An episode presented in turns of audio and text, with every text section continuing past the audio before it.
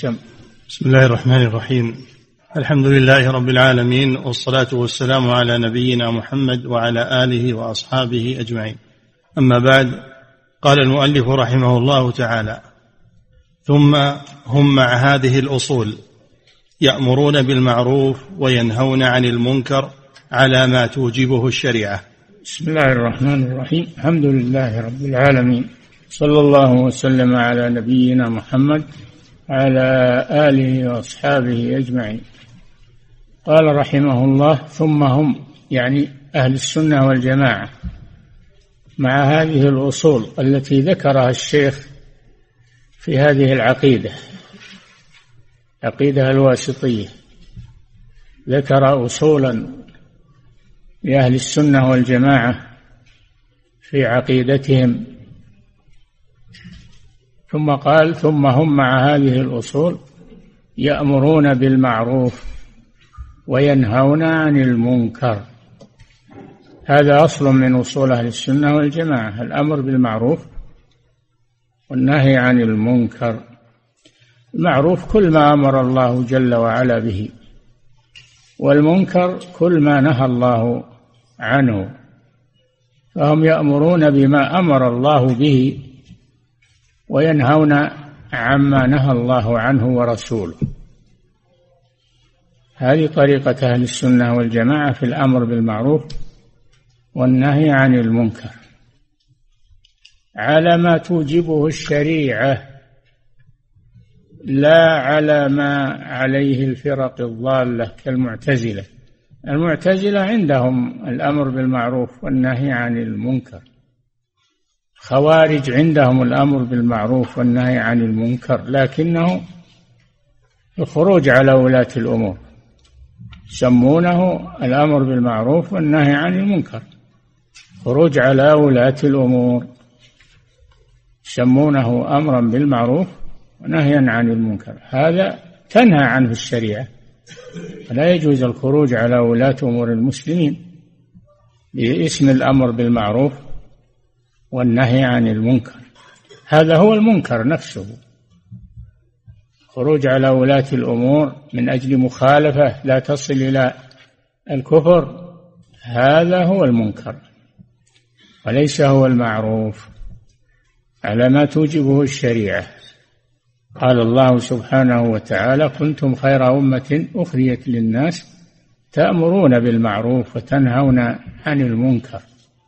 قال سبحانه ولتكن منكم أمة يدعون إلى الخير ويأمرون بالمعروف وينهون عن المنكر. وقال في, في أهل الكتاب لأن منهم أمة قائمة يأمرون بالمعروف وينهون عن المنكر ليسوا سواء من أهل الكتاب أمة قائمة. يأمرون بالمعروف وينهون عن المنكر ويؤمنون بالله. أمة قائمة. فليس كل أهل الكتاب على ضلال وإنما منهم ناس على الحق على ما جاءت به أنبياؤهم. من ميزاتهم أنهم يأمرون بالمعروف وينهون عن المنكر ويؤمنون بالله سبحانه وتعالى. نعم. ويرون إقامة الحج والجهاد والجمع والأعياد مع الأمراء أبرارا كانوا أو فجارا. يرون أي أهل السنة والجماعة إقامة الجمع صلاة الجمعة والأعياد يعني صلاة العيد خلف أمراء المسلمين. كان الأمراء في صدر الإسلام هم الذين يؤمون الناس في الجمعة وفي صلاة العيد. فيصلون خلفهم ولو كان عندهم ما عندهم من المخالفات التي لا تصل إلى حد الكفر يصلون خلفهم. صلوا خلف الحجاج ابن يوسف. صلوا خلف المأمون وصلوا خلف وذلك لأجل جمع الكلمة وعدم التفرق. وإن جاروا وإن ظلموا. فهم ولاة الأمور. فلا يجوز الخروج عليهم إلا إذا كفروا كفرا صريحا واضحا. أما ما دام عندهم مخالفات دون الكفر فإنهم يطاع لهم ويسمع ويصلى خلفهم ويحج معهم ويجاهد معهم جمعا للكلمة. نعم. ويرون إقامة الحج والجهاد والجمع والأعياد مع الأمراء. أبرارا كانوا أو فجارا. أبرارا يعني مستقيمين ليس عندهم مخالفات.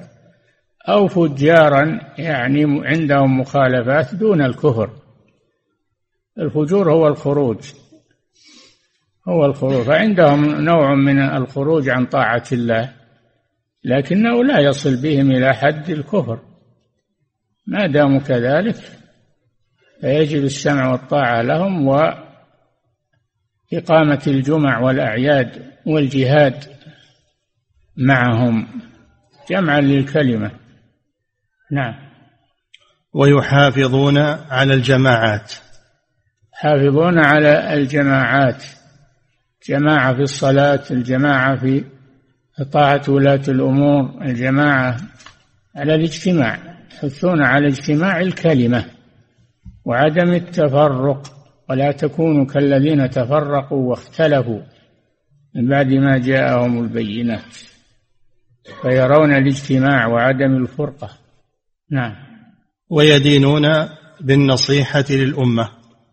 نعم وهذا من أصولهم أنهم يدينون بالنصيحة للأمة من الولاة ومن آه، الأفراد.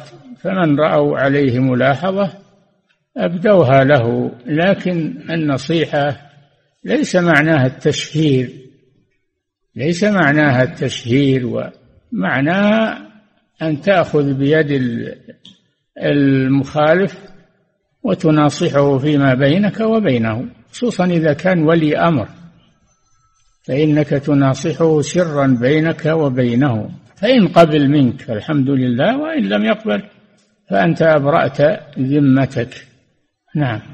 ويعتقدون معنى قوله صلى الله عليه وسلم المؤمن للمؤمن كالبنيان. أهل السنة والجماعة يعتقدون معنى هذا الحديث وهو أن المؤمنين إخوة كالبنيان يشد بعضه بعضا. كما قال صلى الله عليه وسلم مثل المؤمنين في توادهم وتراحمهم وتعاطفهم كمثل الجسد الواحد إذا اشتكى منه عضو تداعى له سائر الجسد بالسهر والحمى. وقال صلى الله عليه وسلم المؤمن للمؤمن كالبنيان. يشد بعضه بعضا. نعم. ويعتقدون معنى قوله صلى الله عليه وسلم المؤمن للمؤمن كالبنيان يشد بعضه بعضا وشبك بين أصابعه. ووضح ذلك بالمثال المحسوس فشبك بين أصابعه صلى الله عليه وسلم. فالمؤمنون يجتمعون كما تجتمع الأصابع بعضها مع بعض وتتساند إذا شبكت. نعم. وقوله صلى الله عليه وسلم مثل المؤمنين في توادهم وتراحمهم وتعاطفهم كمثل الجسد الواحد إذا اشتكى منه عضو تداعى له سائر الجسد بالحمى والسهر. كذلك المؤمنون إذا اشتكى واحد منهم أصابه مرض أو أصابته شدة أو فقر فإنهم يتألمون لألمه ويساعدونه فيما أصابه ويواسونه في مصيبته فهم كالبنيان يشد بعضه بعضا. نعم. ويأمرون بالصبر على البلاء. يأمرون أي أهل السنة والجماعة بالصبر على البلاء. والبلاء هو الامتحان الذي ينزل بالفرد أو بالجماعة من الأمور الشدائد والأمور الكربات وغير ذلك.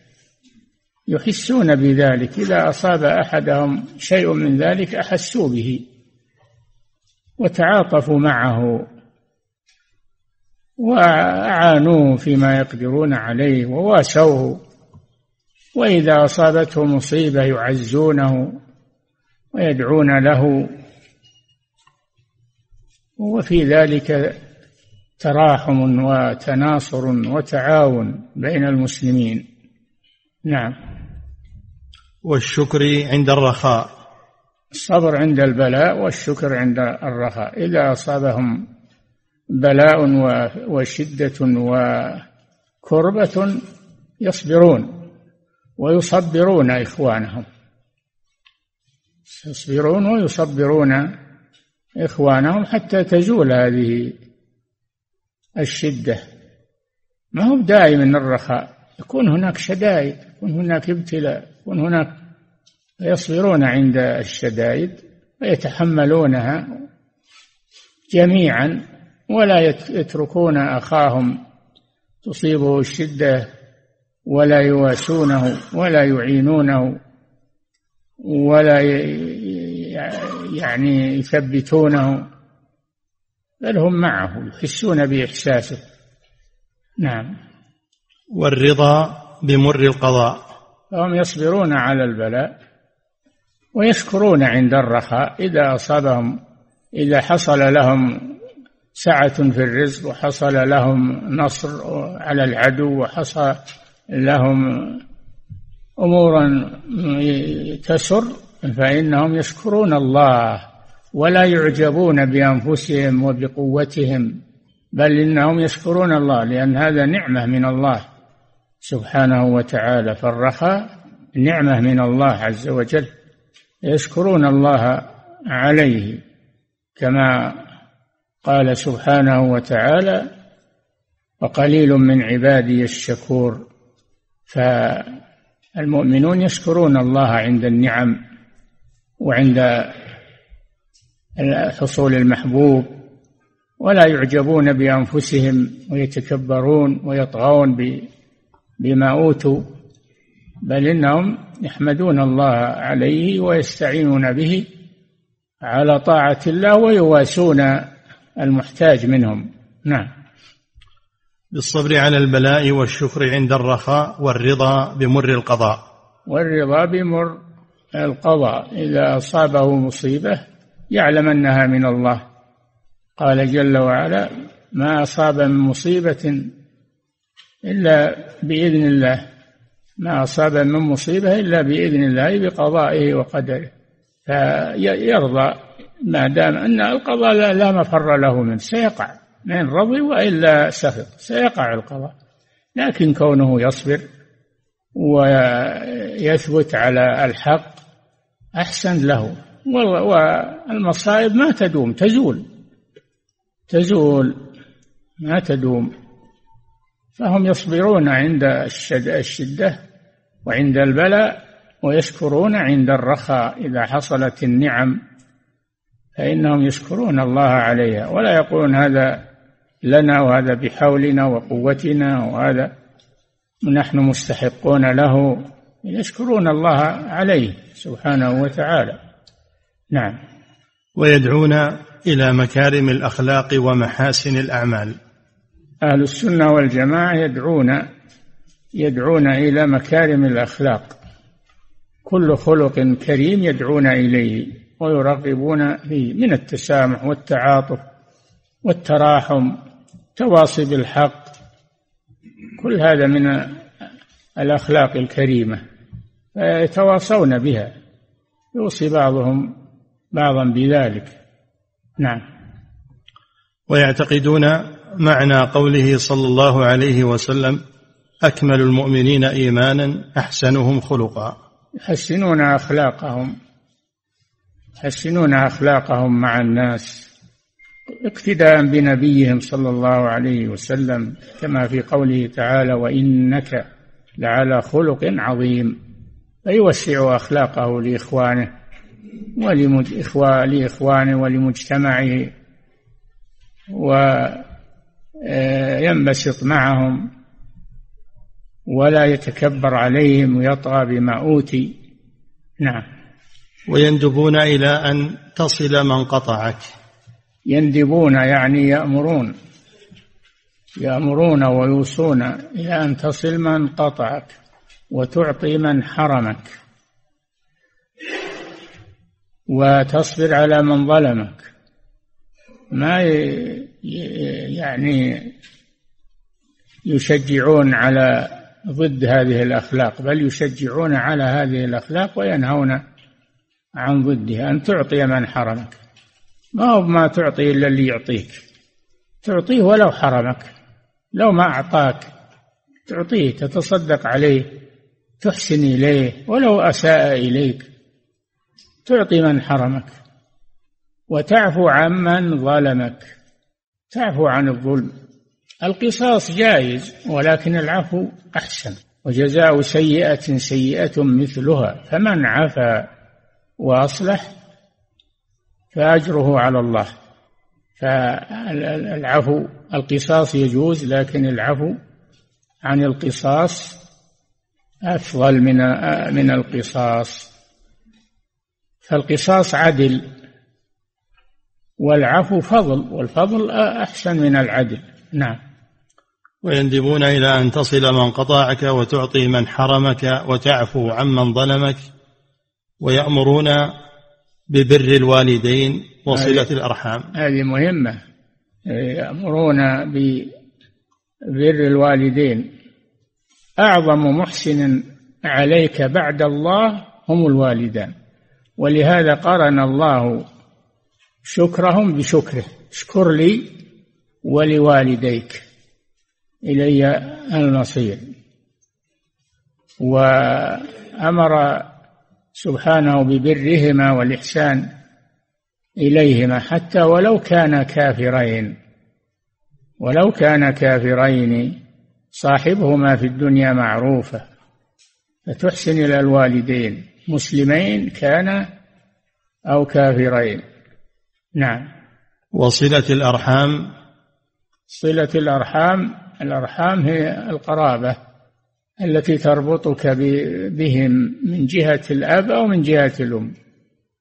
كالأجداد والجدات والأعمام والعمات والإخوة والأخوات وكالأخوال والخالات وهكذا. القرابة التي تأتيك من قبل الأب أو من قبل الأم فإنك تصلها صلة الرحم. وأول من تصل الوالدان لأنهما أعظم محسن عليك بعد الله سبحانه وتعالى. وقضى ربك ألا تعبدوا إلا إياه وبالوالدين إحسانا. فحق الوالدين يأتي بعد حق الله. قضى ربك ألا تعبدوا إلا إياه وبالوالدين إحسانا. واعبدوا الله ولا تشركوا به شيئا. وبالوالدين إحسانا وبذي القربى إلى آخر الآية. فحق الوالدين يأتي دائما بعد حق الله سبحانه وتعالى. مما يدل على عظمه على الولد. نعم. وحسن الجوار. كذلك يحسنون إلى جيرانهم. يحسنون إلى جيرانهم ولا يؤذون الجيران. كفون أذاهم عن الجيران فالجار له حق. اعبدوا الله ولا تشركوا به شيئا وبالوالدين إحسانا. وبذي القربى والجار ذي القربى والجار الجنب والصاحب بالجنب الجار له حق.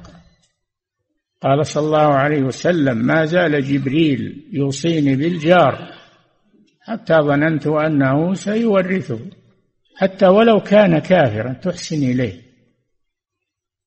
كان آه، ابن عمر أظن أو أحد الصحابة له جار يهودي. كان إذا ذبح شاة قال أعطيتم أو أطعمتم جارنا اليهودي يسأل عن ذلك ويحسن إليه وهو يهودي. نعم. والإحسان إلى اليتامى والمساكين وابن السبيل. إحسان إلى اليتامى. اليتامى الذين مات آباؤهم وهم صغار دون البلوغ دون الاحتلام. هؤلاء هم اليتامى. أما بعد الاحتلام فالنبي صلى الله عليه وسلم يقول لا يتم بعد احتلام. الذي مات أبواه وهو صغير لم يحتلم. هذا فقد أباه الذي يعطف عليه ويحنو عليه ويحميه. فأنت تكون مكان أبيه تكون مكان أبيه سواء كان من أقاربك أو ليس من أقاربك. تحسن إليه وتكون محل محل أبيه في الإحسان إليه وفي ملاحظته نعم. والإحسان إلى اليتامى والمساكين. المساكين الفقراء الفقير والمسكين. المسكين أحسن حال من الفقير. الفقير من لا يجد شيئا. وأما المسكين فهو الذي يجد بعض الكفاية. يجد بعض الكفاية. أحسن حال من من الفقير. نعم. والإحسان إلى اليتامى والمساكين وابن السبيل. وابن السبيل هو المسافر الذي نفد ما معه ولو كان غنيا في بلده. ولو كان غنيا في بلده لكن نفد ما معه أو ضاع في الطريق أو سرق فإنك تحسن إليه وتعطيه ما يبلغه إلى بلده. هذا ابن السبيل ولو كان غنيا في بلده. وإذا نزل ضيفا تكرمه لأن الضيف له حق له حق من كان يؤمن بالله واليوم الآخر فليكرم ضيفه. نعم. والرفق بالمملوك. والرفق بالمملوك سواء كان من الآدميين كالأرقة أو كان من البهائم التي يملكها يحسن إليها لا يقصر في حقها لا يحملها ما لا تطيق لا لا يجوعها أو يعطشها بل يلاحظها غاية الملاحظة. نعم. وينهون عن الفخر والخيلاء. ينهون عن الفخر الافتخار بالآباء وبال والخيلاء الخيلاء في المشي وفي اللباس تكبر. هذا من الكبائر. الإنسان الذي يتكبر ويختال في مشيه وفي يتبختر في مشيه في لباسه إلا في حالة مقابلة العدو. حال مقابلة العدو فلا بأس بال بإظهار القوة وإظهار الشجاعة وإظهار المظهر الحسن إغاظة لهم. نعم.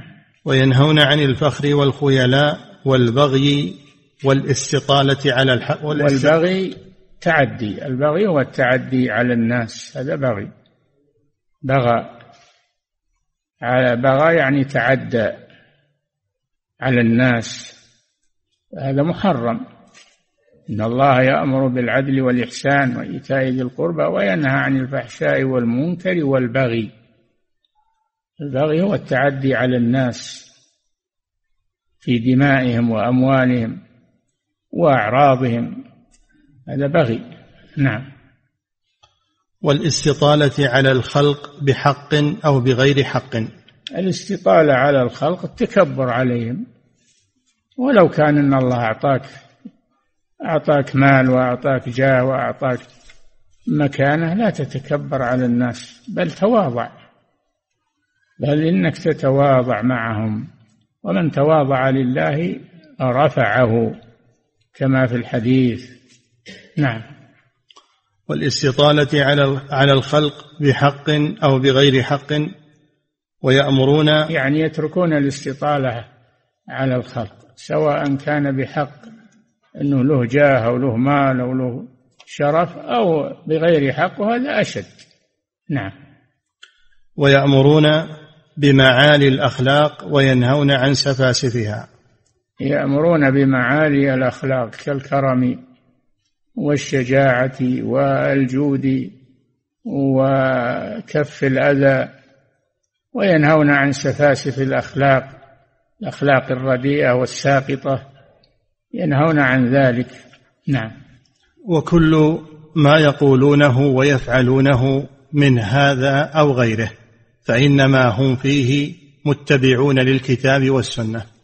كل ما يقولون أهل أهل السنة والجماعة من هذه الأمور التي ذكرها الشيخ أو غيرها فإنه مأخوذ من الكتاب القرآن والسنة لأن الكتاب والسنة هما المنهج الذي يسير عليه المسلم في أخلاقه في معاملاته في جميع شؤونه يمشي على الكتاب والسنة. نعم. وكل ما يقولونه ويفعلونه من هذا أو غيره فإنما هم فيه متبعون للكتاب والسنة وطريقتهم هي دين الإسلام الذي بعث الله به محمدا صلى الله عليه وسلم. طريقتهم أي طريقة أهل السنة والجماعة هي دين الإسلام. جميع أوامره ونواهيه وأخلاقه و دين الإسلام. فأنت إذا رأيتهم عرفت الإسلام. عرفت فضل الإسلام عدالة الإسلام وهكذا ينبغي للمسلم أن يمثل الإسلام. يمثل الإسلام خصوصا في بلاد الكفر وعند الكفار. يمثل الإسلام يكون قدوة بفعله قبل قوله. ولا ولا يشوه الإسلام بأفعاله وتصرفاته لأن من يراه يحكم على الإسلام بتصرفات هذا الشخص. يقول هذا مسلم وهذه أخلاق الإسلام فعليه أن يترفع عن السفاسف والسواقط والرذائل ويترفع إلى الأخلاق الكريمة و والأخلاق الطيبة حتى يقال هذا هو المسلم وهذا هو الإسلام. ففي بلاد يذكرون في بلاد آه، هي إندونيسيا كانت قارة كبيرة ولا يعرفون الإسلام. فلما إن المسلمون الحضارم دخلوا فيها وتعاملوا معهم ورأوا صدقهم في المعاملة ورأوا هدوءهم ودخلوا في الإسلام. من أخلاق هؤلاء الذين رأوهم. نعم. وطريقتهم هي دين الإسلام الذي بعث الله به محمدا صلى الله عليه وسلم. لكن لما أخبر النبي صلى الله عليه وسلم أن أمته ستفترق على ثلاث وسبعين فرقة كلها في النار إلا واحدة وهي السنة والجماعة صار المتمسكون بالإسلام المحض الخالص الخالص عن الشوب هم أهل السنة والجماعة. النبي صلى الله عليه وسلم أخبر أن أن هناك من يتمسك بهذا الدين. لا تزال طائفة من أمتي على الحق ظاهرين. لا يضرهم من خذلهم ولا من خالفهم حتى يأتي أمر الله تبارك وتعالى. هؤلاء هم الذين يتمسكون بالكتاب والسنة في كل زمان ومكان. وهؤلاء لا لا يفقدون حتى يأتي أمر الله تبارك وتعالى. هذا من فضل الله على هذه الأمة أنه يبقى منها من يحمل دينها ويحمل أخلاقها ويحمل إلى أن يأتي أمر الله تبارك وتعالى ولا ينقطع الإسلام مهما تكالبت الفتن والشرور. يبقى طائفة على الحق ظاهرين. لا يضرهم من خذلهم ولا من خالفهم وهم المتمسكون بالكتاب والسنة. ولكن هذا يحتاج إلى أمرين. أولا يحتاج إلى العلم تعلم الكتاب والسنة. وثانيا الصبر الصبر على ما يناله من المشقة ومقابلة المكاره يصبر على ذلك. نعم. لكن لما أخبر النبي صلى الله عليه وسلم أن أمته ستفترق على ثلاث وسبعين فرقة كلها في النار إلا واحدة وهي السنة والجماعة صار المتمسكون بالإسلام المحض الخالص عن الشوب هم أهل السنة والجماعة. أخبر صلى الله عليه وسلم أن أمته قال افترقت اليهود على إحدى وسبعين فرقة. فرقت النصارى على اثنتين وسبعين فرقة وستفترق هذه الأمة على ثلاث وسبعين فرقة. كلها في النار. هذه الفرق كلها في النار التي افترقت. لكن كونها في النار لا يدل على كفر على كفرها بل منهم من هو في النار مخلدا فيها وهو الذي كفر ومنهم من هو في النار غير مخلد وهو العاصي والمخالف. هذا وعيد هذا من باب الوعيد من باب الوعيد. لكن يسلم من هذا أهل السنة والجماعة المتمسكون بكتاب الله. فهذا السنة كتاب الله وسنة رسوله صلى الله عليه وسلم. والجماعة عدم التفرق والاختلاف فيما بينهم. نعم. صار المتمسكون بالإسلام المحض الخالص عن الشوب هم أهل السنة والجماعة. وفي حديث عنه صلى الله عليه وسلم أنه قال هم من كان على مثل ما أنا عليه اليوم وأصحابي. أي نعم لما أخبر صلى الله عليه وسلم عن هذه الفرقة التي تبقى على الإسلام لا يضرهم من خذلهم ولا من خالفهم. قالوا من هي يا رسول الله؟ قال من كان على مثل ما أنا عليه اليوم وأصحابي. الذي يتمسك بهذا ينجو. في آخر الزمان ينجو من الفتن. ولكن هذا يحتاج إلى علم ويحتاج إلى صبر واحتساب. نعم. وفيهم الصديقون والشهداء والصالحون. فيهم الصديقون. فيهم الصديقون والصديق جمع صديق الصديقون جمع صديق. والصديق هو كثير الصدق كثير الصدق الذي لا يكذب الذي لا يكذب. هذا هو الصديق. وهو يلي درجة الأنبياء أولئك مع الذين أنعم الله عليهم من النبيين والصديقين. فدرجة الصديقين تأتي بعد الأنبياء. والصديقين. والنبي صلى الله عليه وسلم بين السبب في هذا. قال لا يزال العبد يصدق ويتحرى الصدق حتى يكتب عند الله صديقا. ولا يزال الرجل يكذب ويتحرى الكذب حتى يكتب عند الله كذابا. فالصديقية ما تنال ب ما تنال بالتشهي والانتماء إنما تنال بالعمل بالعمل والصدق مع الله سبحانه وتعالى. نعم. الصديقون والشهداء. الشهداء في سبيل الله عز وجل الذين قتلوا في سبيل الله يجاهدون لإعلاء كلمة الله. نعم. وبهم الصديقون والشهداء والصالحون. نعم طبقات يعني. طبقة الصالحين وطبقة الشهداء وطبقة الصديقين وهذه أعلاها. نعم. وفيهم أعلام الهدى ومصابيح الدجى. فيهم العلماء. العلماء هم أعلام الهدى والعلم هو الشيء الذي يهتدى به في البر والبحر. هذا هو العلم. العلم هو العلامة التي يهتدى بها في ظلمات البر والبحر كالنجوم وكالعلامات. الواضحة التي يسير عليها المسافرون. نعم. وفيهم أعلام الهدى ومصابيح الدجى. مصابيح الدجى الذين يضيئون الكون بعلمهم بعلمهم ويحتاج الناس إليهم يرشدونهم ويستفتونهم ويقضون بينهم في خصوماتهم. هؤلاء هم أعلام الهدى يعلمون الناس الخير. نعم. ومصابيح الدجى أولو المناقب المأثورة والفضائل المذكورة. أصحاب أولو يعني أصحاب المناقب. المناقب جمع منقبة وهي الصفة الحميدة. المناقب ال... ها؟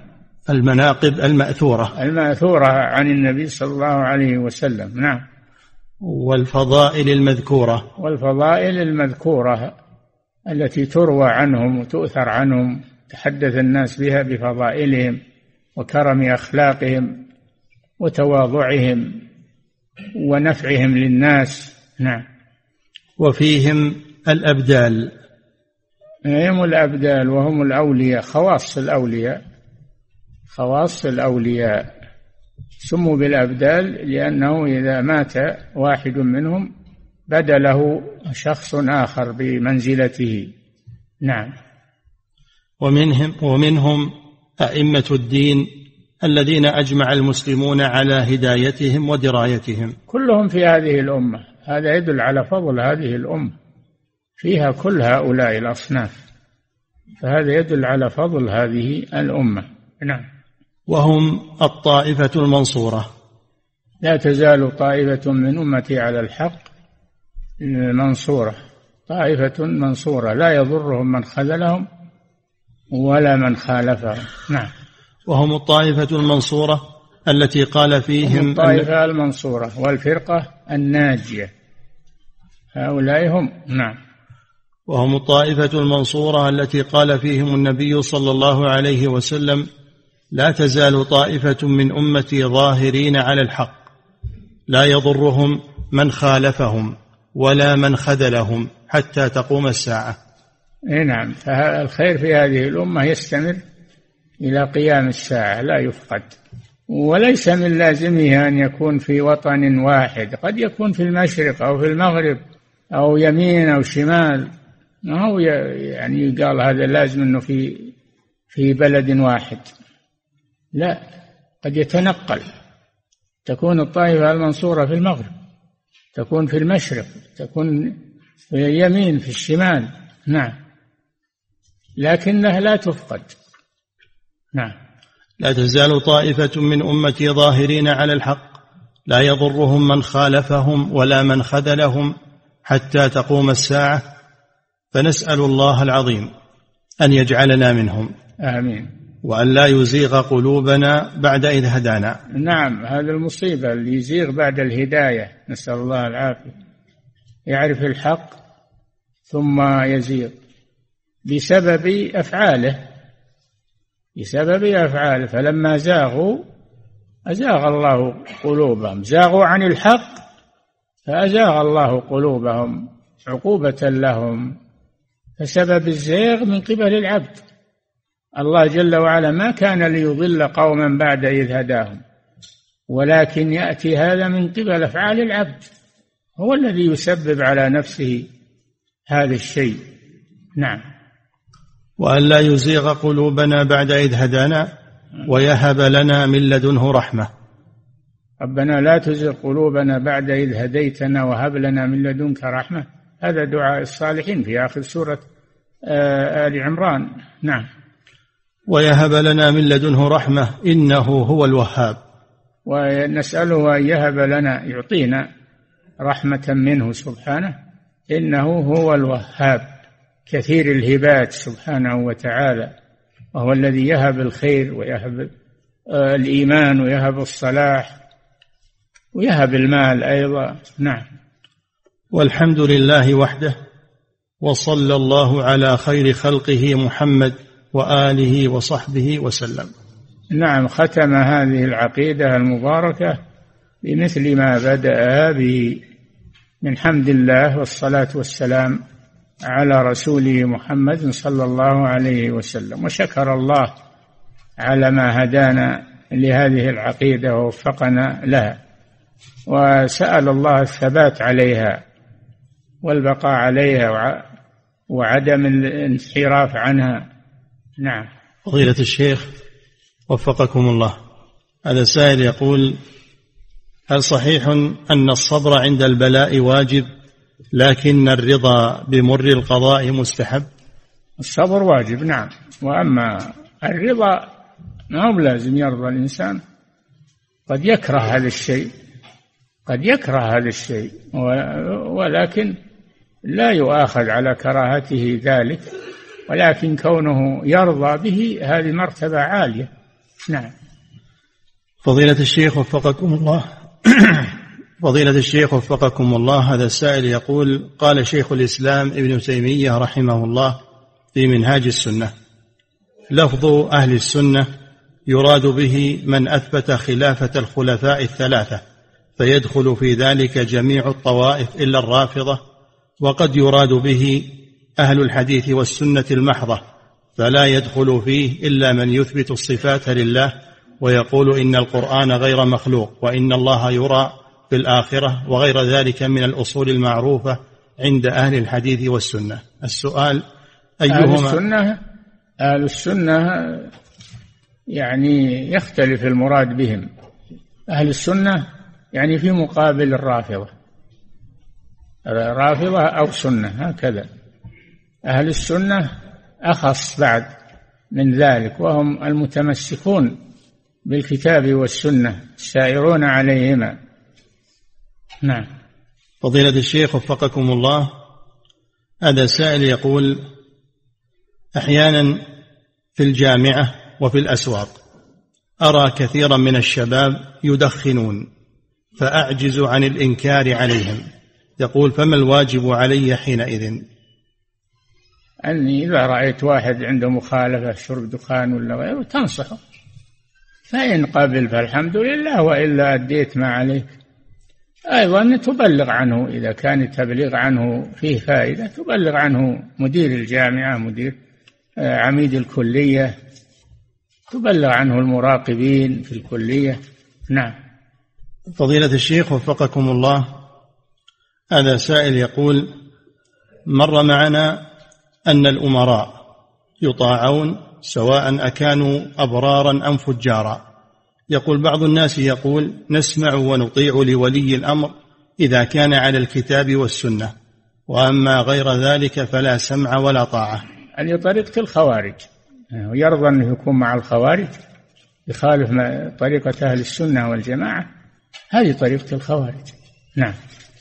فضيلة الشيخ وفقكم الله هذا سائل من بريطانيا يقول أسلم رجل عندنا في بريطانيا فحذرته من أهل البدع مباشرة فأنكر علي بعض الإخوة وقال لا تحذره حتى يطمئن قلبه بالإيمان. فهل فعلي هذا صحيح؟ لا ما هو صحيح. يعني تبادلوا بالتحذير من أهل البدع ربما أنه يتوقف عن الإيمان ويتراجع. فأنت رغبه في الإسلام وبين له مزايا. الإسلام ومسألة تحذيره من أهل البدع تأتي بعد ذلك إذا ثبت إيمانه ورسخت قدمه في الإسلام. يعلم شيئا فشيئا. نعم. فضيلة الشيخ وفقكم الله هذا هذا سائل يقول في قول النبي صلى الله عليه وسلم أكمل المؤمنين إيمانا أحسنهم أخلاقا. هل يصلح دليلا على أن الإيمان يزيد وينقص؟ على أن الإيمان يزيد وينقص. أكمل المؤمنين إيمانا؟ أكمل يعني من كلمة أكمل. نعم. أي نعم فيه فيه دليل. نعم. فضيلة يعني فيه لأن فيه إيمان ما هو بأكمل يعني ناقص. نعم. فضيلة الشيخ وفقكم الله. هذا سائل يقول هل من منهج أهل السنة والجماعة أن يقوم بعض الشباب بالأمر بالمعروف والنهي عن المنكر داخل الاستراحات والدخول إليها لأجل ذلك فيرشدون الشباب لفعل الطاعات وترك تلك المنكرات التي عندهم. هذا شيء طيب لكن يكون بالحكمة والموعظة الحسنة الجدال بالتي هي أحسن لأن ذولا شباب مجتمعين فلا تبادرهم بالعنف والقسوة ورغبهم ترغيب. نعم. فضيلة الشيخ وفقكم الله. هذا سائل يقول مر معنا أن من منهج أهل السنة والجماعة حسن الجوار. يقول جاري مبتدع ولا يسلم علي ولا يريد أن يقابلني. هل أبدأه بالسلام؟ نعم أحسن إليه أنت. إذا أساء إليك فأحسن إليه نعم. فضيلة الشيخ وفقكم الله. هذا سائل يقول نحن مقيمون في هذه البلاد المباركة وإقامتنا قد تطول. سؤاله هل تحصل صلة الأرحام عن طريق الهاتف والرسائل لأقربائنا هناك؟ نعم هذا نوع من صلة الأرحام. اذا عجزت عن الوصول إليهم فلا أقل من الاتصال بهم والسلام عليهم والإطمئنان على صحتهم والدعاء لهم. نعم. فضيلة الشيخ وفقكم الله هذه امرأة تسأل فتقول إذا كانت المرأة متزوجة فهل تقدم حق الوالدين أم حق الزوج إذا تعارضا؟ ما يتعارضان ما يتعارضان حق الوالدين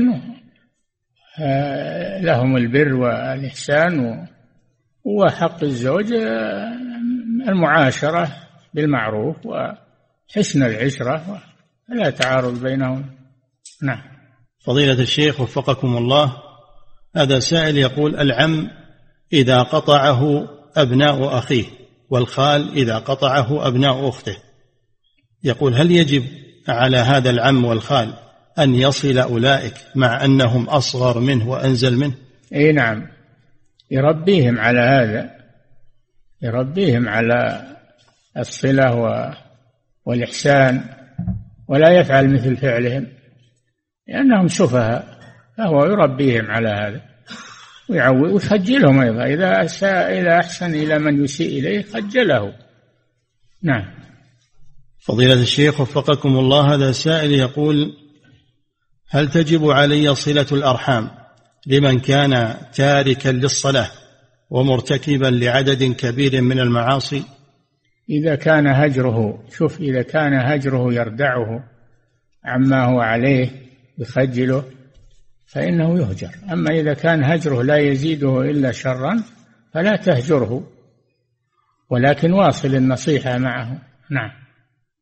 فضيلة الشيخ وفقكم الله هذا سائل يقول من كان يكفل يتيما منذ الصغر حتى بلغ الحلم الحلم وما زال هذا هذا الرجل في أشد الحاجة للكفالة بعد بلوغه. يقول هل الأفضل أن أستمر في كفالته أم أبدأ بكفالة يتيم صغير لم يبلغ الحلم بعد؟ إذا استغنى هذا الشخص فاتركه ويذهب إلى من هو صغير. أما إذا كان ما بعد استغنى فأنت تواصل معه تواصل معه الإحسان. ولا يمنع هذا إنك تضم إليه أيضا آخر وتحسن إليه. الإحباب الإحسان واسع قدر استطاعتك. نعم. فضيلة الشيخ وفقكم الله. هذا سائل يقول بعضهم يرى أن عدم البداءة بالسلام على الكفار ينقص استجابتهم عند دعوتهم للإسلام. يقول هل هذا قول فيه نظر؟ إي نعم. ما يسلم على الكفار. السلام على من اتبع الهدى. النبي صلى الله عليه وسلم لما كتب إلى المقوقس وهو نصراني قال ما قال السلام عليكم. قال السلام على من اتبع الهدى. أما بعد فأسلم. يؤتك الله أجرك مرتين. نعم. فضيلة الشيخ وفقكم الله. هذا سائل يقول هناك من يقول بأن عدم الكلام في المبتدعة بأنه من باب سد الذرائع حتى لا يختلف المسلمون وحتى تجتمع القلوب. يقول هل هذا القول من منهج أهل السنة والجماعة؟ هذا له وجه وله يعني الكلام يحسن في موضعه والسكوت يحسن في موضعه مناسبات يعني شوف المناسبة و تأتي بما يطابق هذه المناسبة. نعم. فضيلة الشيخ وفقكم الله في قول المؤلف رحمه الله وفيهم الصديقون والشهداء. هل المقصود بالشهداء فقط من مات في سبيل الله أم يدخل الغريق والحريق والمبطون يشمل الشهداء يشمل التخصيص يحتاج إلى دليل. يشمل كل من هو من الشهداء. نعم. فضيلة الشيخ وفقكم الله هذه العبارة لا يتمى بعد بلوغ. هل هي حديث عن الرسول عليه الصلاة والسلام؟ الحديث لا يتمى بعد احتلام. لا يتمى بعد احتلام. هذا الحديث. نعم. فضيلة الشيخ وفقكم الله. هذا سائل يقول هل أولاد الخال والخالة من ذوي الأرحام فتجب صلتهم؟ نعم. كل من تربطك به قرابة من جهة الأب أو من جهة الأم فهو من ذوي الأرحام. نعم. فضيلة الشيخ وفقكم الله هذا سائل يقول هل المسلمون الذين عندهم بدع هم خير من الكفار؟ بلا شك المسلم الذي عنده بدع أو عنده معاصي أفضل من الكافر والعياذ بالله. كافر في النار وهذا يمكن يعذب في سيئاته ويمكن يعفى عنه ويدخل الجنة. فهو من أهل الجنة إما ابتداء وإما في النهاية أنه مسلم. نعم. فضيلة الشيخ وفقكم الله هذا سائل يقول هناك من يقول بأن إسبال الثوب خيلاء إنما كان في الزمن السابق. أما الآن فإن المسبل ثوبه لا يلتفت إليه ولا يعتبر متكبرا عادة. يقول فهل هذا الكلام صحيح؟ هذا كلام باطل. الرسول صلى الله عليه وسلم يقول ما كان أسفل الكعبين فهو في النار. ما كان أسفل الكعبين فهو في النار. في كل زمان في كل مكان. نعم. فضيلة الشيخ وفقكم الله هذا سائل يقول بعض الجماعات تهتم بمكارم الأخلاق ولا تهتم بالدعوة إلى العقيدة. فهل هذا من منهج أهل السنة والجماعة؟ لا. منهج أهل السنة والجماعة منهج الأنبياء والمرسلين أنهم يبدأون بالعقيدة وإصلاح العقيدة. نعم. كل نبي أول ما يقول لقومه يا قوم اعبدوا الله ما لكم من إله غيره هكذا يقول الأنبياء أول ما يدعون أقوامهم. نعم. فضيلة الشيخ وفقكم الله هذا سائل يقول ما حكم رفع اليدين أثناء التكبير في صلاة الجنازة وكذلك في صلاة العيدين؟ سنة. رفع اليدين سنة في تكبيرات الجنائز وتكبيرات آه، صلاة العيدين والاستسقاء سنة. نعم. فضيلة الشيخ وفقكم الله هذا سائل يقول الأضاحي التي تكون وصايا من قبل الأموات هل يجوز لمن ينفذ الوصية أن يأكل منها؟ اي نعم يأكل منها. هي مذبوحة للأكل له ولغيره نعم. فضيلة الشيخ وفقكم الله هذا سائل يقول هل تجوز زيارة الأرحام الذين يتعاملون بالسحر ويتعاملون مع السحرة؟ لا تنهاهم تبين لهم أن السحر كفر ولا يجوز تعاطيه ولا الذهاب إلى السحرة فإذا لم يمتثلوا فأنت تقطع الصلة بهم نعم فضيلة الشيخ وفقكم الله هذا سائل من خارج هذه البلاد يقول أختي ابتليت بعمل في بنك الربوي سؤاله هل يجوز لها أن تصلي الصلوات المكتوبة داخل هذا البنك؟ إيه البنك أرضه طاهرة لكن العمل فيه لا يجوز وإلا هو أرض طاهرة صلى فيه تبي أصحاب البنك يجمعون بين جريمتين جريمة الربا وجريمة ترك الصلاة صل في مكانهم نعم. هم مسلمون لكنهم يعمل عملوا بالربا فهذه معصية. نعم. فضيلة الشيخ وفقكم الله هذا سائل يقول إذا كنت قد نسيت كتابا داخل المسجد فهل لي أن أسأل الإمام أو المؤذن عن هذا الكتاب أم يعد من إنشاد الضالة؟ اسأله خارج المسجد. اسأله خارج المسجد. نعم. فضيلة الشيخ وفقكم الله وهذا سائل يقول من أحدث أثناء الصلاة لكنه استحى أن يخرج من الصلاة خوفا من نظر الناس إليه. يقول هل صحيح أن هذا يخشى عليه من الردة؟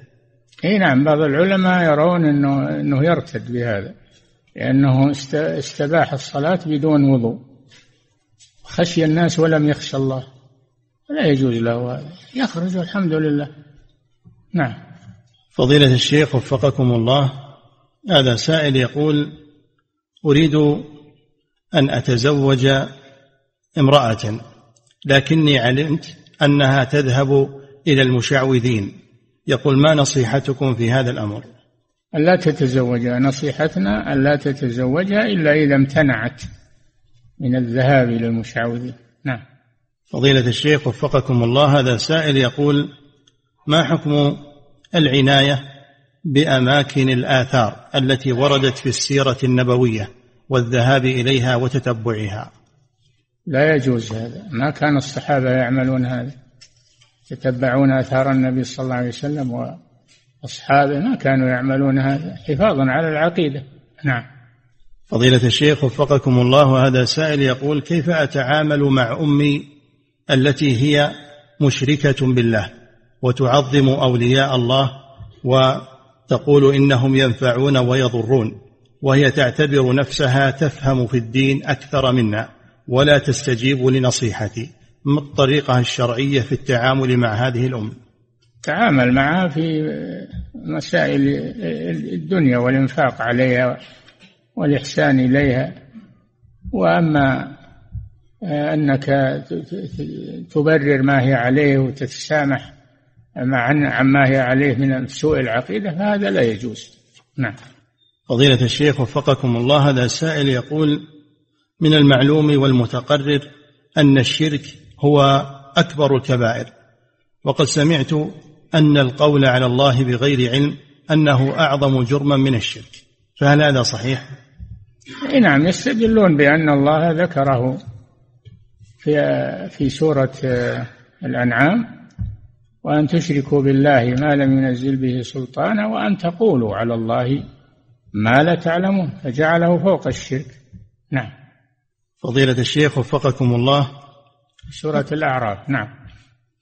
فضيلة الشيخ وفقكم الله هذا سائل يقول بالنسبة لصلاة الضحى هل الأفضل أن يداوم عليها المسلم أم يصليها أحيانا ويتركها أحيانا؟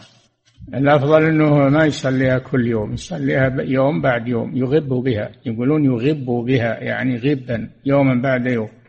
نعم. فضيلة الشيخ وفقكم الله هذا سائل يقول في قول النبي صلى الله عليه وسلم عن الفرق كلها في النار إلا واحدة. يقول ذكرتم حفظكم الله أن هذه الفرق ليس معناها أنهم كلهم كفار ولكن قد يدخلون النار ومنهم من يخرج منها. سؤال؟ أي نعم. سؤاله يقول هل معنى ذلك أنهم تحت مشيئة الله عز وجل يوم القيامة كأصحاب الكبائر؟ أي نعم. ما داموا لم يخرجوا من الإسلام فإنهم تحت مشيئة الله. نعم. فضيلة الشيخ وفقكم الله هذا سائل يقول هل تجوز العمرة عن الميت أكثر من مرة وتكرر؟ نعم هذا من الإحسان إلى الميت من الإحسان إلى الميت تكرر نعم نعم. فضيلة الشيخ وفقكم الله هذا سائل يقول هل يجوز لي وأنا رجل أن أصل ابنة خالي وابنة عمي؟ وهل هم من ذوي الأرحام؟ وهل يجوز لي أن أزورهن في بيوتهن؟ أي نعم تزورهم من غير خلوة. من غير خلوة. وهم من ذوي الأرحام. نعم. فضيلة الشيخ وفقكم الله. هذا سائل يقول من ترك أكرمكم الله ترك شعر العانة أو شعر الإبط ولم يأخذه هل يكون قد ارتكب محرما بهذا؟ يكون فعل مكروها.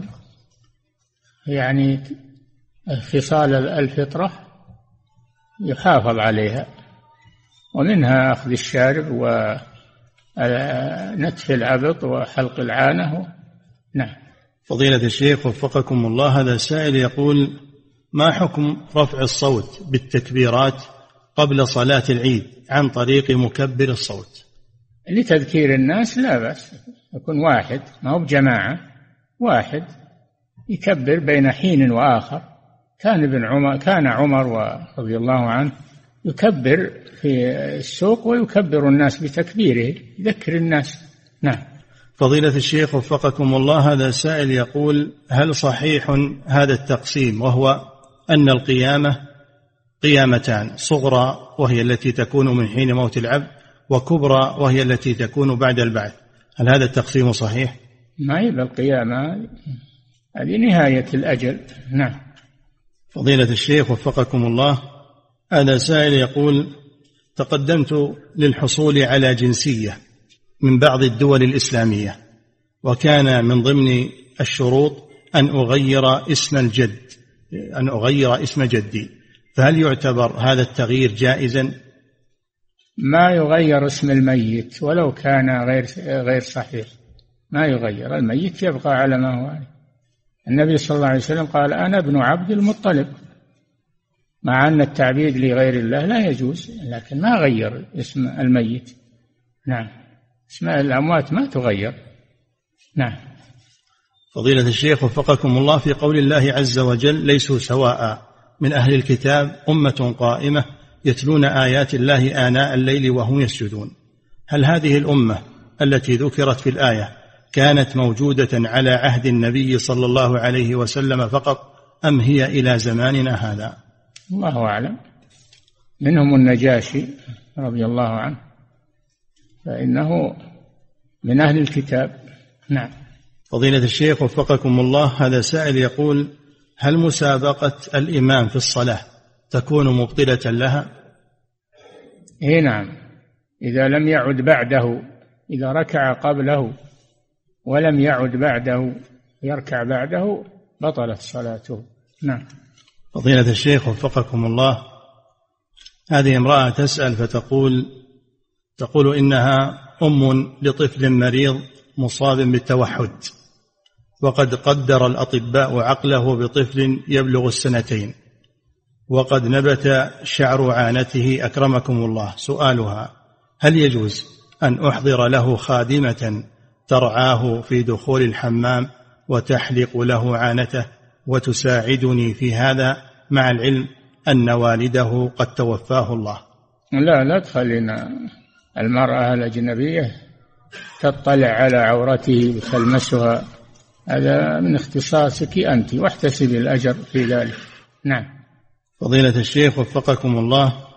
هذا سائل يقول من فقد أمه قبل البلوغ؟ فهل يسمى يتيما؟ هذا من البهائم. البهائم هي التي تفقد أمهاتها. أما الآدميون من فقد أباه. نعم. فضيلة الشيخ وفقكم الله هذا سائل يقول في تسمية أبي بكر الصديق رضي الله عنه تسميته بالصديق هل هو لكثرة تصديقه للنبي صلى الله عليه وسلم أم لكثرة صدقه في الأقوال؟ لكثرة صدقه في الأقوال. وتصديقه للنبي صلى الله عليه وسلم. نعم. فضيلة الشيخ وفقكم الله في قول النبي صلى الله عليه وسلم لا يضرهم من خالفهم ولا من خذلهم. ما المراد بقوله من خالفهم ومن خذلهم؟ من خالفهم في, في, في الطريقة ومن خذلهم ولم ينصرهم. لم ينصرهم. نعم. فضيلة الشيخ وفقكم الله وفي قول النبي صلى الله عليه وسلم كذلك لا يضرهم من خالفهم. يقول بعض أهل العلم يقول في قوله عليه الصلاة والسلام لا يضرهم ليس معنى ذلك أنهم لا يؤذونهم بل قد يؤذونهم لكن لا يضرونهم. هل هذا صحيح؟ والله ما أدري ما وقفت عليه الكلام هذا. نعم. فضيلة الشيخ وفقكم الله وهذا سائل يقول كيف يمكن لطالب العلم أن ينكر على ولي الأمر في بلد لا يوجد فيه علماء في ذاك البلد ولا يستطيع أن يصل إليه سرا. معذور هذا يكون معذور. نعم. فضيلة الشيخ وفقكم الله هناك من يحتج على الفخر بالأنساب بقول النبي صلى الله عليه وسلم أنا النبي لا كذب أنا ابن عبد المطلب. يقول هل استدلاله هذا صحيح؟ لا ما هو بيفتخر. النبي صلى الله عليه وسلم ما هو بيفتخر بهذا. ما يفتخر بهذا. ما هو بيفتخر بنسبه. نعم. فضيلة الشيخ وفقكم الله. يقول ابن حزم رحمه الله كل اسم عبد لغير الله فهو محرم حاشا عبد المطلب. يقول هل عبد المطلب يجوز التسمية به إلى الآن؟ لا على ظاهر كلام ابن حزم يجوز لكنه ما هو بصحيح. ما يجوز التسمية بعبد المطلب. فيه من الصحابة واحد اسمه عبد المطلب. في واحد من الصحابة اسمه عبد المطلب لكن آه، ما يدل على الجواز. نعم. فضيلة الشيخ وفقكم الله وهذا سائل من بلجيكا يقول كيف تكون صلة الرحم مع عمي وهو متزوج بساحرة وابنه يعمل ساحرا؟ لا لا تتواصل معه ما دام نصحته ولم يمتثل وأبقي على هذا لا تتواصل معه. نعم السحر كفر. نعم. فضيلة الشيخ وفقكم الله هذه امرأة تسأل فتقول الإفرازات التي تظهر من فرج المرأة أكرمكم الله ما حكمها من حيث الطهارة ومن حيث نقض الوضوء؟ تنقض الوضوء وهي نجسة أيضا. تغسل وتتوضأ منها. تغسل إذا أصابت الثوب والبدن وتتوضأ منها لأنها من نواقض الوضوء. من خرج من السبيلين فإنه ينقض الوضوء. نعم. فضيلة الشيخ وفقكم الله هذا سائل يقول هل صحيح أن بعض علماء أهل السنة والجماعة يقولون إن الأخلاق داخلة في العقيدة؟ ما سمعت هذا ولا أدري. نعم. فضيلة الشيخ وفقكم الله هذا سائل يقول هل الفتوى بغير علم تعد من القول على الله بغير علم؟ بلا شك هي القول على الله بغير علم. فتوى بغير علم هي من القول على الله بغير علم لأنه يحلل ويحرم يقول إن الله أحل كذا وحرم كذا. نعم لا يجوز الإنسان يفتي بغير علم في عافية. بل إذا الصحابة يتدافعون الفتوى وهم أعلم الأمة يتدافعونها اذهب إلى فلان اذهب إلى فلان. نعم. الفتوى هي سهلة. نعم. فضيلة الشيخ وفقكم الله. هذا سائل يقول إن لدي ظروف إن لدي ظروفا صعبة فهل يجوز لي أن أشرب من برادة المسجد ثم آخذ منها للبيت؟ نعم. يقول إن ظروفه صعبة فهل يجوز أن يشرب من برادة المسجد ثم يأخذ من هذا الماء إلى البيت استأذن من القيم على المسجد إذا أذن له فلا بأس نعم فضيلة الشيخ وفقكم الله هذا سائل يقول من ترك الصلاة فهل يعد كافرا بهذا الفعل؟ من؟ من ترك الصلاة فهل يعد كافرا بهذا الفعل؟ إي نعم الرسول صلى الله عليه وسلم يقول العهد الذي بيننا وبينهم الصلاة فمن تركها فقد كفر. إيش تبغي غير هذا؟ نعم. وقال بين العبد وبين الكفر ترك الصلاة. نعم. فضيلة الشيخ وفقكم الله وهذا سائل يقول نحن طلاب في الجامعة وعندما نريد أن نسجل مقررا عند الأساتذة فإنه يسأل بعضنا بعضا عن هذا الأستاذ فبعضهم يمدحه وبعضهم لا يمدحه. يقول هل هذا الفعل من الغيبة؟ إي نعم. هذا منه مدرس. خذ الدرس منه وسجل المادة عنه وكونه عاد في نفسه كذا أو كذا ما عليك منه. نعم. فضيلة الشيخ وفقكم الله هذا سائل من بريطانيا يقول إنه لا يستطيع السفر لطلب العلم وهو مريد لطلبه. سؤاله هل لي أن أدرس على أشرطة العلماء؟ وما الذي أدرسه؟ وهل أكون طالب علم بذلك؟ لا لا تكن طالب علم بذلك لكن تستفيد استفادة من الأشرطة ولا تعده طلبا للعلم ان الأشرطة قد يكون فيها صحيح وغير صحيح كلام الناس هذا ما هو معصوم. وأيضا قد تفهمها وقد لا تفهمها. قد تكون على غير ما فهمت. نعم. فلا بد من أخذ العلم عن العلماء. مهما كلفك الأمر. نعم. فضيلة الشيخ وفقكم الله هذا سائل يقول إذا تاب المسلم من التمائم والخرق الشركية التي كان يستعملها يقول هل يجب عليه أن يحرقها بعد التوبة؟ اي نعم يتلفها بعد التوبة. وش يبي بها؟ تلفها بعد التوبة. نعم. فضيلة الشيخ وفقكم الله هذا سائل يقول إذا استيقظ الإنسان وهو على جنابة وخشي خروج الوقت فهل له أن يتيمم ولا يغتسل ليدرك الوقت؟ لا ما يتيمم بل يغتسل ولو خرج الوقت. نعم. فضيلة الشيخ وفقكم الله هذا سائل يقول هل هناك عدد معين لصلاة الضحى؟ عدد ركعات معين؟ أقلها ركعتان وأكثرها ثمان ركعات. كل ركعتين بسلام. نعم. فضيلة الشيخ وفقكم الله هذا سائل يقول من أصيب بسحر وقد عالج نفسه عن طريق الرقية لكنه لم يحصل له شفاء. يقول هل يجوز له أن يذهب إلى رجل مشعوذ أو ساحر ليفك عنه هذا الأمر؟ لا يجوز هذا. لا يجوز ولا يأس يذهب إلى إلى الطيبين ليرقوه ويقرأوا عليه والله جل وعلا قريب مجيب ولا ييأس. نعم. فضيلة الشيخ وفقكم الله بقول الله عز وجل قتل الخراصون ما تفسير هذه الكلمة؟ الذين هم في غمرة ساهون يسألون أيان يوم الدين هذا تفسيره. نعم. فضيلة الشيخ وفقكم الله من يترك إنكار المنكر حياء من الناس أو خوفا من الرياء والشهرة. ها؟ من يترك إنكار المنكر حياء من الناس أو خوفا من الرياء والشهرة. يقول ما حكم هذا هذا من كيد الشيطان يقول لا, لا, لا تعمل الخير علشان ما يمدحونك الناس وتشتهر بهذا. هذا من الشيطان تخذيل من الشيطان. يفعل الخير ويترك هذه الوساوس. نعم.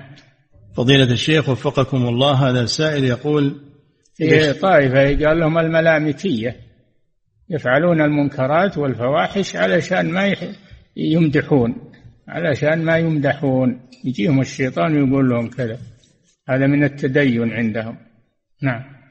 فضيلة الشيخ وفقكم الله هذا سائل يقول يقول إن أخته مصابة بمرض السرطان. عافانا الله وإياكم. وعندما استخدم وشفاها الله. وشفاها, وشفاها الله. الله. نعم. جزاك الله خير. وعندما استخدموا لها العلاج بالكيماوي تساقط شعر رأسها. يقول هل يدفن هذا الشعر في المقبرة أو ماذا نعمل به علما بأننا قد حفظناه عندنا حتى نسأل؟ أبدا ما يدفن في المقبرة ولا. حطوا في مكان ارفعوا في مكان إلى أن يبلى هو يبلى مع طول ذا ويضمحل نعم. فضيلة الشيخ وفقكم الله هذا سائل يقول هل ورد شيء في الشرع بشأن تغيير المكان للسنة, للسنة الراتبة بعد صلاة الفرض؟ نعم يقولون يعني لكن هذا للإمام. الإمام هو اللي ما يتسنن في محل الفرض لئلا يظن أن الصلاة ما انتهت. فالإمام يتنحى في مكان آخر. أما غير الإمام فلا حرج أن يتنفل في مكان الفريضة. فقد كان شيخنا الشيخ ابن باز يتنفل في مكان صلاته للفريضة. نعم. انتهى وفقكم الله تعالى أعلم وصلى الله وسلم على نبينا محمد وعلى آله وصحبه.